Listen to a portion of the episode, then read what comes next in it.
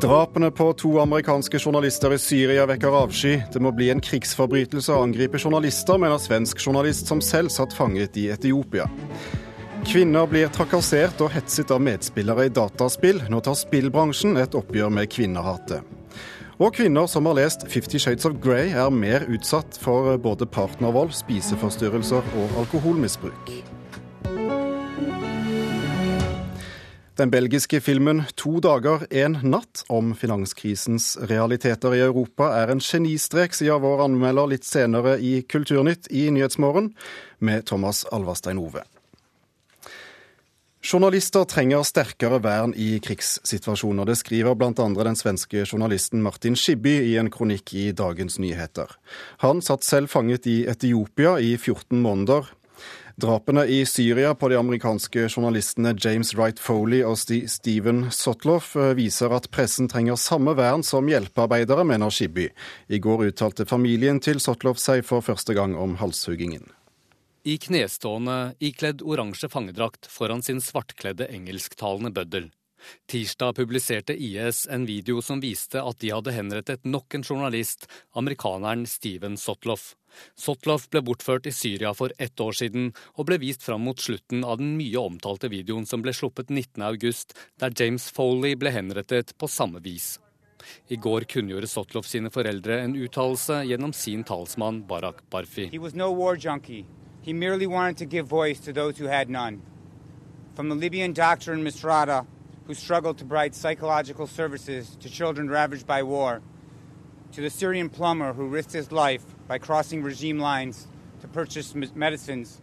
Han var ingen krigseventyrer. Han ville bare gi en stemme til de stemmeløse. Fra den libyske legen som forsøkte å hjelpe krigsrammede barn, til den syriske rørleggeren som risikerte livet for å kjøpe medisiner på den andre siden av grensen.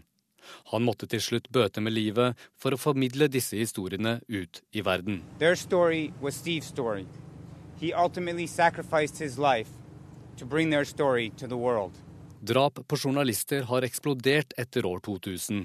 Halshuggingen av Steven Sotloff er ifølge International News Safety Institute det 84. drapet på en journalist hittil i år. Og ifølge The Times truer IS med å ta livet av hele 20 journalister og hjelpearbeidere de har tatt til fange. Sa reporter Petter Sommer.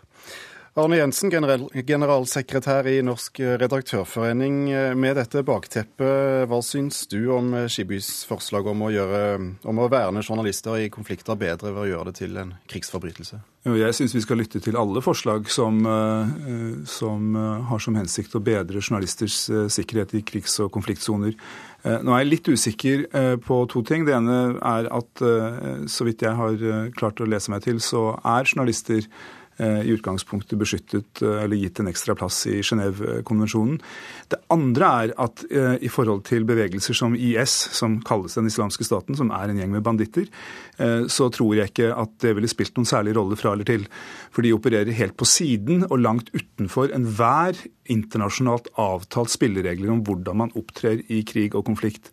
Eh, men, eh, men, dersom, eh, men, det kan finnes andre tilfeller hvor det kan hende at et forsterket internasjonalt regelverk ville bedret journalistenes sikkerhet. Det syns jeg vi skal i hvert fall diskutere og se om, om det er mulig å gjøre noe som kan ha en effekt. Det kan virke som det har blitt farligere å rapportere fra krig og konflikter de siste årene. Hvilke konsekvenser får det? Ja, Det er helt riktig som du sier, det har blitt farligere. og Det er en utvikling som har gått fra det at man kunne eh, havne i skuddvekslinger eller i bombeangrep og bli drept eh, og også bli utsatt for, eh, for, mer bevisste handlinger fra krigende parter. Men nå har vi jo sett noe helt ekstremt, nemlig at journalister blir pinpointet som mål. Kidnappet, torturert. Vist frem som trofeer og drept i, spektakulære videofilmer.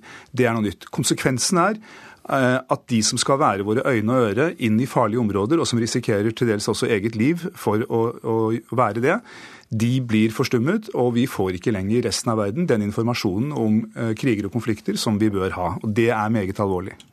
Jon Wessel Aas, advokat i, i, Bing Hordaland med medierett og ytrings, ytringsfrihet som eh, felt. Hva tenker du om forslaget fra, fra Skibby med Jeg tenker nok i utgangspunktet eh, tilsvarende som, som Arne Jensen her.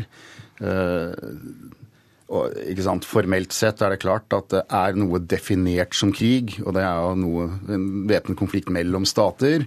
Ja, Da gjelder helt egne regler, og da er også journalister bl.a. beskyttet av folkeretten mot å bli drept forsettlig eh, som sivile alene. Så da er det, men så er det mm. klart For hva er det forskjell på drap og, og ja, altså, ja, ikke sant? Fordi det Alternativet er at det er en annen type væpnet konflikt. Da gjelder det ofte andre regler, og det er jo litt sånn tilfeldig hvordan man definerer det noen ganger i dag. Det er jo liksom avhengig av hvem som definerer hva som er hva.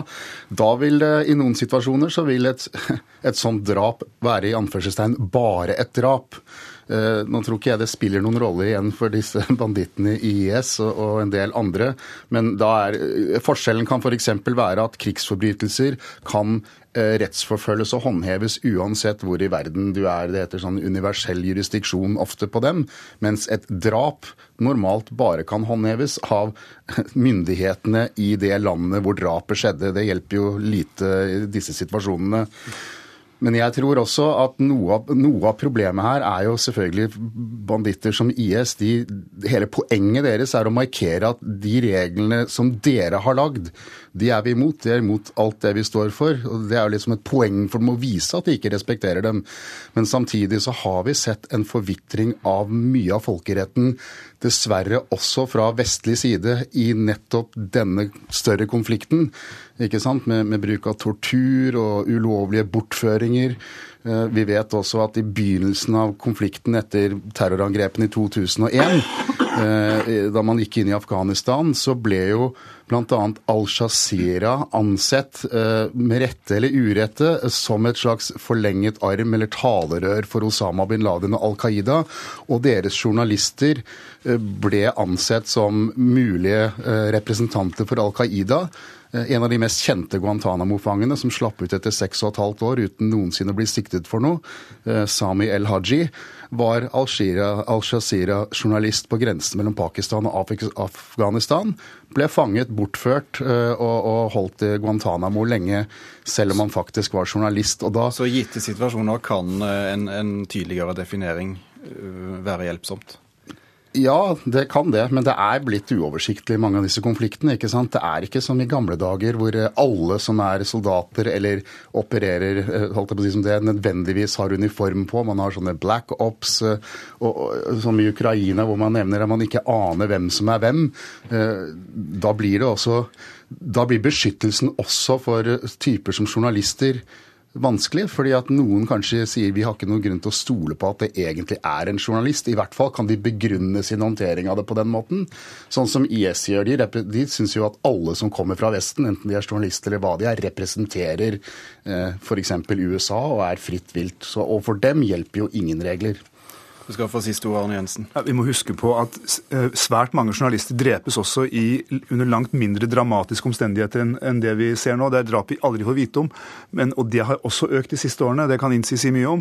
Og Det er land som vi betrakter ellers som ganske siviliserte. Mexico, i, i Egypt osv. Mange land i Afrika, mange land i Sør-Amerika, land i Asia, hvor journalister håndplukkes som mål og tas av dage fordi de er journalister. Så En regel om økt beskyttelse for journalister i, i, internasjonalt burde egentlig også også omfatte litt andre situasjoner enn bare krig. Arne Jensen og Jon Wesselås, tusen takk for at dere kom til Kulturnytt.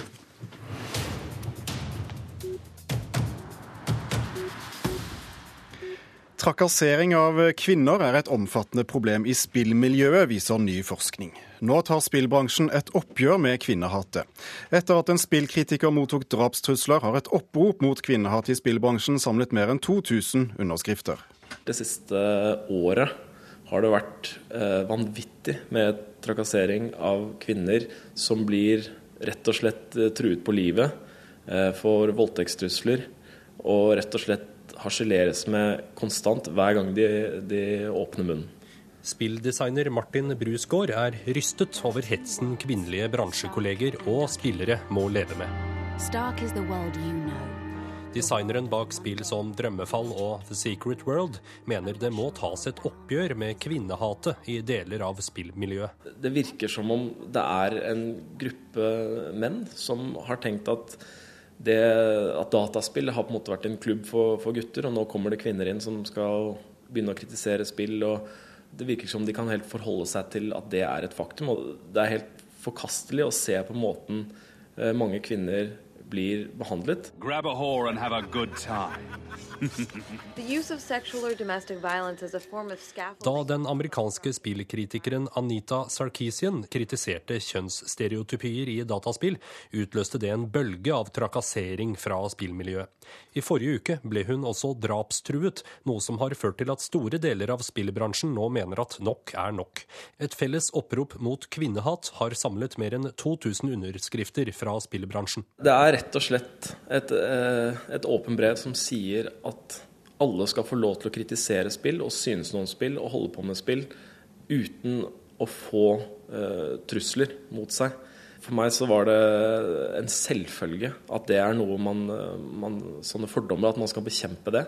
Seksuell trakassering, særlig eh, seksuelt trakasserende ordbruk, sånn som eh, hore eller faggot, er veldig, veldig vanlig. Det sier spillforsker Kristine Ask ved NTNU, som er i ferd med å sluttføre et forskningsprosjekt om seksuell trakassering i online-spill. Ask peker på at det å trakassere kvinner som spiller, er en kultur det finnes aksept for i deler av spillmiljøet. Et vikt, veldig viktig funn i, denne, i dette arbeidet vårt er jo at det er veldig delte holdninger til dette med seksuell trakassering. For veldig mange spillere så er grov ordbruk aggressiv oppførsel, konfrontasjonell oppførsel, blir sett på som en del av spillkulturen. Eh, det forklares med at dette er jo bare et spill, det er sånn vi oppfører oss. Forskeren mener det er på tide at spillbransjen selv tar et oppgjør med trakasseringen. Jeg syns det er kjempepositivt. Jeg mener det på, på overtid at eh, spilldesignere som rollemodeller i spillkulturen markerer avstand eh, mot den, mot den netthetsen som særlig kvinnelige spillere og spilldesignere har fått. Reporter i dette innslaget var Halvor Haugen.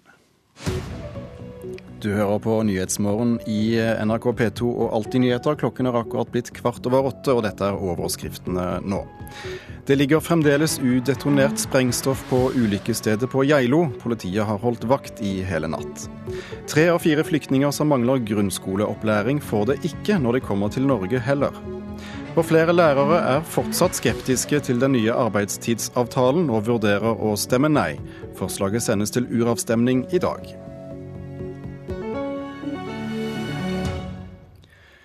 Kvinner som har lest bokserien Fifty Shades er mer utsatt for eh, både partnervold, spiseforstyrrelser og alkoholmisbruk. Det viser en ny amerikansk studie fra Michigan State University. Dette gjelder ikke bare i USA, det er et globalt fenomen, sier norsk voldsforsker. So this is just an interview for the newspaper. Det er Dakota Johnson som spiller Anastacia Steele når Fifty Shades of Grey kommer på kino i februar. Mr. Grey will see you now. L. James' trilogi beskriver hvordan den unge litteraturstudenten vikles inn i finansmannen Christian Greys sadomasochistiske verden. Men hva sier det grove innholdet om dem som leser bøkene? Hva skiller kvinner som har lest minst én utgave av Fifty Shades of Grey, fra dem som ikke har det? Det ville en gruppe forskere i USA finne ut, og ga et spørreskjema til 650 kvinnelige studenter. Uh, Fifty Shades of Grey alminneliggjør et meget voldelig parforhold, advarer professor Amy Bonomi, som ledet studien ved Michigan State University. Det viste seg nemlig at langt flere av de som hadde lest bøkene, hadde vært utsatt for partnervold i en eller annen form, eller blitt trakassert på telefon av en tidligere partner. Enda større forskjell fant man når det kom til slanking og spiseforstyrrelser. Hele 80% flere hadde fastet eller brukt slankemidler i forhold til kvinnene som ikke hadde lest bøkene. Leserne av Fifty Shades of Grey hadde også hatt flere seksualpartnere og hadde et mer usunt forhold til alkohol. Uh, we're showing, we're showing strong associations between being drawn to a book that depicts uh, normalization violence against women Studien vår viser tydelig sammenheng mellom en bok som forherliger vold mot kvinner, og voldserfaringer fra kvinnenes eget liv, konkluderer professor Bonomi.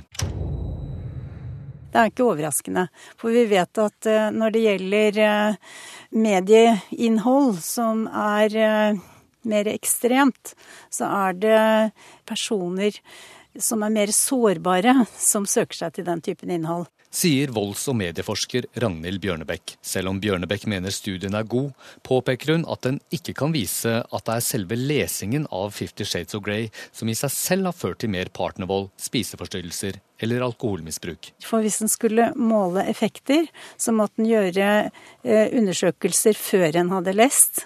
Så måtte, og gjøre undersøkelser i etterkant av en har lest, og også en tid etterpå der igjen. Da kunne du si noe om et utviklingsforløp, og en kunne si noe om mulige effekter. Professor Bonomi mener likevel kvinner bør tenke seg om før de leser bøkene, fordi den typen voldserfaring, spiseforstyrrelser og sexvaner de har avdekket blant leserne, også er kjente tegn på at man lever i et usunt parforhold. Suggesting that the, that the book be banned or that women should not be free to read Fifty Shades. However, it is important for women to understand that the health behaviors assessed in the study are known risk factors for being in a violent relationship. Reporter her var eh, Petter Sommer.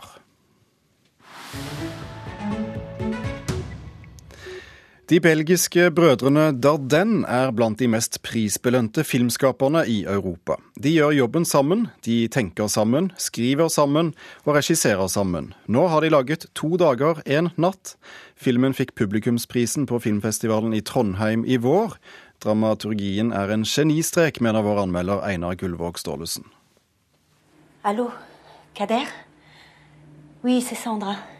To dager, en natt, en virkelighet fortalt med genial dramaturgi. Den er spilt av skuespillere og amatører som ser ut som de lever der de er, i det huset, på den fabrikken. Filmen er utsøkt i alle former. Bildene sier mye hele tiden.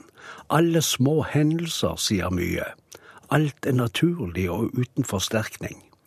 Musikk er noe man skrur på og av på bilradioen, ikke noe man legger utenpå for å bearbeide seernes følelser. Likevel føler vi en masse. Det er Europa dette året. To dager, en natt. Slik de belgiske brødrene Jean-Pierre og Lykta Dardenne ser jevne menn og kvinner midt i en altomgripende økonomisk krise. Sandra. C'est comme si j'existais pas. Sandra. Mais ils ont raison. J'existe pas. Je suis rien. Je suis rien du tout. Det er et eksempel på relativt velbergede Belgia. Alle bor i gode hus. Alle har en ekstrajobb. Flere har funnet på noe selv. Noen ekstrajobber er svarte, kanskje de fleste er det. Mange sliter i samlivet fordi situasjonen rundt de unge familiene er blitt mer utfordrende. Det alminnelige forsterker alvoret. Solidariteten er i ferd med å revne. Filmen tester ut om det er mulig å friske opp samholdet som var sterkt en gang. Kollegialiteten, er den der fortsatt? Samfunnsmodellen er utsatt. Egoismen blir sterkere, og ingen bebreider folk at de tenker mer på seg selv. Hvis bedriften skal betale ut en bonus på 1000 euro til hver ansatt, må en av de 17 slutte. Hun som møtte veggen og har vært ute som sykemeldt en lang periode, får beskjed om at det er hun som må gå. Arbeiderne stemmer. For bonus til seg selv, eller for at Sandra får beholde jobben. Det har allerede vært en avstemning, men noen gode mennesker får bedriften til å gå med på en ny og hemmelig omgang med stemmesedler, fordi arbeidsformannen forledet ansatte før den første avstemningen. Sandra har to muligheter. Hun kan gi opp, akseptere at familien flytter tilbake til kommunal leilighet, eventuelt spise resten av pillebeholdningen i én håndfull. Eller hun kan oppsøke én og én kollega gjennom helgen for å presentere sin sak. Ektemannen motiverer henne til å ta den runden. Der ligger den geniale dramaturgien til Dardenne-brødrene. Når hun reiser rundt og snakker med kollegene, får vi et blikk inn i hvert eneste hjem, også der hvor vi blir stående på trappen.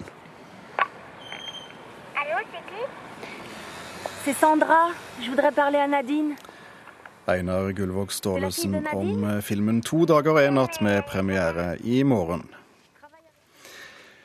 Gatekunst er i ferd med å bli et populært innslag i flere norske byer, og i Stavanger åpner i dag den 14. New Art-festivalen. Mens gatekunst før pleide å være ulovlig og provoserende for mange, blir den nå stadig mer akseptert med store festivaler og private sponsorer. Her er jeg min, i hvert fall. Gatekunstner Martin Watson har ikke malt på veggen, slik han vanligvis gjør. Det er jo gamle ølhaller, dette her. Så de er ganske sånn dype, så jeg tenkte at det passer veldig bra med 3D-installasjoner her. I de gamle ølhallene til Tau bryggeri i Stavanger lager gatekunstnerne på New Art-festivalen utstilling. Og 30-åringen fra Oslo har bygget en kube. Det skal liksom være et portrett av meg på utsiden som er hvor jeg er litt sånn frustrert og sånn. Du holder hendene, hendene foran ansiktet? Jeg holder ansiktet. hendene foran ansiktet. Men du går an å gå inni, altså? Det går an å gå inni, så vi kan gå inn og se. Det er kaos, da. Lag på lag og sånn. Så her er det masse typisk graffitiaktige ja. skriblerier, på en måte? Ja. Um, det er litt frustrasjon over at, uh, at alt skal være så grått hele tiden, da. Men selv om de fleste vegger fortsatt er grå, og selv om mange byer har nulltoleranse mot ulovlig graffiti, brer den lovlige gatekunsten om seg for fullt.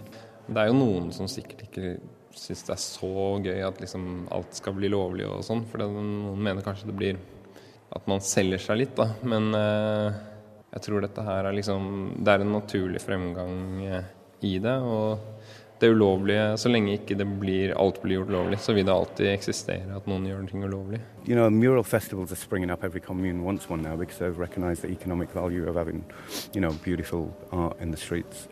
Nå vil alle byer ha gatekunst, sier Martin Reed, grunnleggeren av New Art-festivalen. Bergen har gitt gatekunstnerne vegger å boltre seg på. Stavanger kommune gir årlig støtte til New Art. Og store selskaper som Avinor og Skagenfondene sponser New Art for å få gatekunst på veggene sine. Det er stas, men gatekunsten er mer enn vakre veggmalerier, sier Reed. So this year there's a lot more urban interventions. So we've invited artists just to play with the city. We really don't know what they're going to do. Så for å gi gatekunsten og festivalen litt mer brodd, gjøre den mer interessant og uforutsigbar, har han invitert kunstnere til å gjøre såkalte intervensjoner, eller stunts, i sentrum i år. Og visstnok vet han ikke helt hva det kommer til å bli. Nothing terribly, nothing damaging or nothing, but you know, might be a little bit more controversial than a nice mural. Trolig ikke veldig farlig og ødeleggende, men kanskje litt mer kontroversielt enn de sedvanlige veggmaleriene, sier Martin Reed. Sakte, men sikkert har briten bygget opp New Art og New Music siden han kom til Stavanger i 1995. I år markerer New Music sitt 15-årsjubileum med å feire norsk disko. It's like a celebration of Norwegian electronica, Norwegian disco. Um, I think it's come the last 15 years. People like Lindström and Todd Terje and Royksop and kind of all these artists that we've grown up with over the over the last 15, 20 years. So we thought rather than celebrate our birthday, we'd celebrate, you know, the culture. Det sa Martin Reed til reporter Anette Johansen Espeland i Stavanger. Indiepop-bandet Team Me oppsto fra en roteskuff i 2010. Nå er de ute med sitt andre album, og anmelderne er rause med superlativene. Godlyden den er i sin helhet spilt inn i et steinfjøs i hjembyen Elverum. Her er det veldig fin akustikk inni. Det er rett og slett eh, lyden av steinfjøset. The Barn.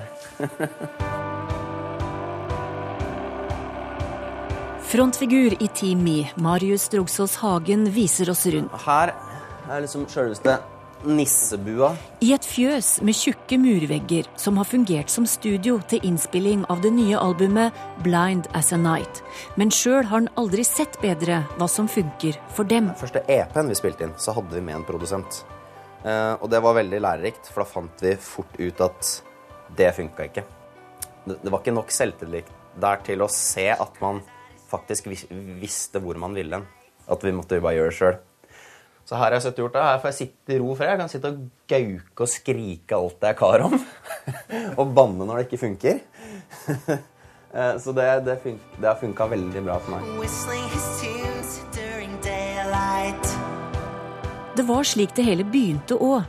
Droksås Hagen hadde en egen roteskuff med låter han ville laga, utenom de banda han allerede spilte i. Og Så begynte jeg å invitere kompiser, og så ble det her sånn slags venne-tulleprosjekt. Der man eh, satt på Sødbakken skole og koste seg spilte inn låter, og alle var med trampa og sang litt. Og så fishing på natta, nattbading Nei, det var liksom Det var sånn fin, fin liten eh, sånn par uker jeg pleide å bruke sommeren på. Da. Det var, eh, det var sånn det starta. Og fra roteskuffen med kompiser bar det til radioen i 2010. Her i det lokale NRK-studioet. Før konsertdebut i Urørt-finalen i NRK P3.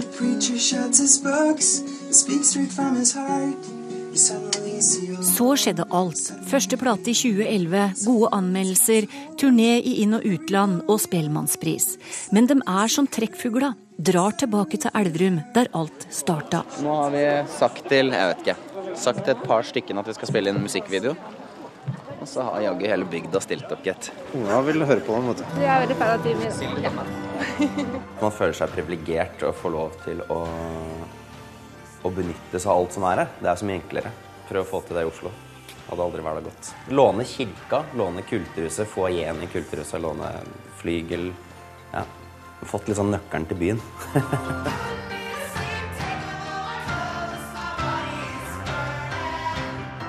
Neste uke starter turneen i Elverum, sjølsagt. Så resten av Norge og videre til Asia. Og det er med en viss sjøltillit de legger ut på veien denne gangen. Det er veldig deilig at katta er ute av sekken. Det, man er jo, det er klart at uh, Man har brukt litt sånn selvforsvarsmekanisme sånn i prosessen å skrive plata. Og, og liksom overbevise seg selv om at man ikke om at, ikke, om at, at, man ikke bryr seg så mye om, om, hva alle andre skal mene om det. Uh, men det er klart at når, det er liksom, når man blir kasta femmer etter seg, så, så, så kjente jeg iallfall denne gangen her, at jeg bryr meg ganske mye allikevel. Reporter på Elverum var Torunn Myhre. Og med det runder eh, Kulturnytt av denne morgenen. Du har bl.a. hørt at eh, trakassering av kvinner er et omfattende problem i spillmiljøet, ifølge ny forskning. Men nå tar spillbransjen et oppgjør med kvinnehatet. Kulturnytt ble laget av eh, produsent Halvor Haugen. Teknisk ansvarlig var Lars Tronsmoen, og her i studio Thomas Alvarstein Ove. Nå tar Øystein Heggen Nyhetsmorgen videre.